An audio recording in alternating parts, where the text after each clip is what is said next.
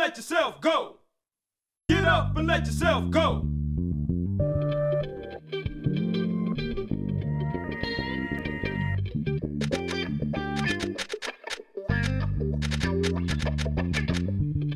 Shake it up, shake it up, shake it up. Hei og velkommen til denne podkasten fra Tro og tvil. Mitt navn er Jon Arne Carstensen. Tro og tvil er et økumenisk nettverk som starta med å ønske å stimulere til gode og sanne samtaler og refleksjoner rundt tro og tvil. Men nysgjerrige som vi er, så jafser vi jammen over en del naturvitenskap, religionshistorie, døden som tema også. Du finner oss på nett på www.trotvil.no. Vi vil i denne podkasten ta opp både enklere betraktninger som går over en episode, men også større temaer som går over flere episoder. Noen av de større områdene vil være religionshistorie, Guds vesen og døden. Temaet vil også påvirkes ut fra hva dere ønsker tatt opp, så skriv gjerne inn spørsmål og kommentarer til post alfakrøll trotvil.no, så svarer vi så fort vi klarer.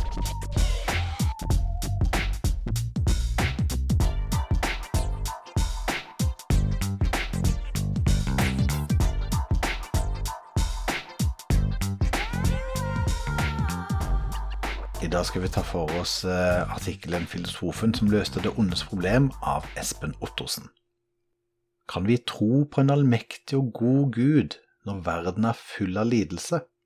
Ja, svarer den amerikanske filosofen Alvin Plantinga. Argumentene hans har endra debatten. Det ondes problem er eldgammelt.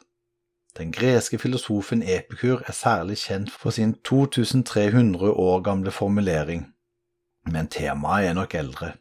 Også i Det gamle testamentet møter vi mysteriet Hvorfor fjerner ikke Gud det onde? Spørsmålet stilles i salmer og gjennomsyrer Jobbs bok. Flere moderne filosofer har hevda at det er logisk umulig både å tro på Gud og konstatere det ondes eksistens. Det var den utfordringa Alvin Plantinga kasta seg over, og ifølge en rekke filosofer løste på en tilfredsstillende måte. Fri vilje. Plantinga er snart 80 år gammel. Han har vært en toneangivende analytisk filosof siden utgivelsen av boka God and Other Minds i 1967, og er blant de få nålevende filosofer som blir grundig presentert i filosofiske leksikon og standardverk. Og han er altså kristen. Allerede i 1980 ble han kåret av magasinet Time til Amerikas ledende protestantiske filosof. Ikke alle er like glade for betydningen hans. Den framstående ateistiske filosofen Quentin Smith skrev i 2001 om Plantingas etterfølgere Naturalister så passivt på mens realistiske versjoner av teisme, mest påvirka av Plantingas skrifter, begynte å feie gjennom det filosofiske samfunn, til i dag da kanskje en fjerdedel eller en tredjedel av filosofiprofessorene er ateister, de fleste ortodokse kristne. Men til tross for stor betydning og en omfattende produksjon, Plantinga er ikke veldig enkel å lese. Kortfatta å gjengi hans løsning på det ondes problem er vrient, men hovedpoenget hans er at Gud ikke uten videre kunne skapt en bedre verden, hvis den skulle være beholka av frie individer. Til denne friheten hører også menneskets muligheter til å velge galt, påføre andre smerte og svikte sine medmennesker. Argumentasjonen til Plantinga blir omtalt som fri viljeforsvaret, siden han dypest sett knytter verdens ondskap til menneskets frihet. Boka der han drøfta spørsmålet om det ondes problem, heter God, Freedom and Evil og kom i 1967. Menneskers skyld Det onde problem kan selvsagt drøftes fra flere innfallsvinkler.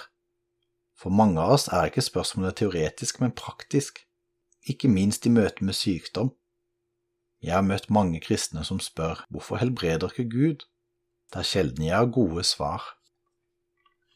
Derfor holder Plantingas svar bare et lite stykke. Selv om han har rett i at det ikke er logisk selvmotsigende å tro på en god Gud i en vond verden, står mange spørsmål tilbake. Dagens ateister kan eksempel spørre er det sannsynlig at det finnes en Gud når verden ser ut som den gjør? Jeg påstår ikke at Bibelen fullt ut gir et svar, men som Plantinga tror jeg det er sentralt å fastholde at vi mennesker har ansvar for mye ondskap. Kanskje har vi også et visst ansvar også for sykdom og katastrofer, fordi vi som de første menneskene en gang valgte å gjøre djevelen til sin gud, dermed slapp vi det onde løs i verden.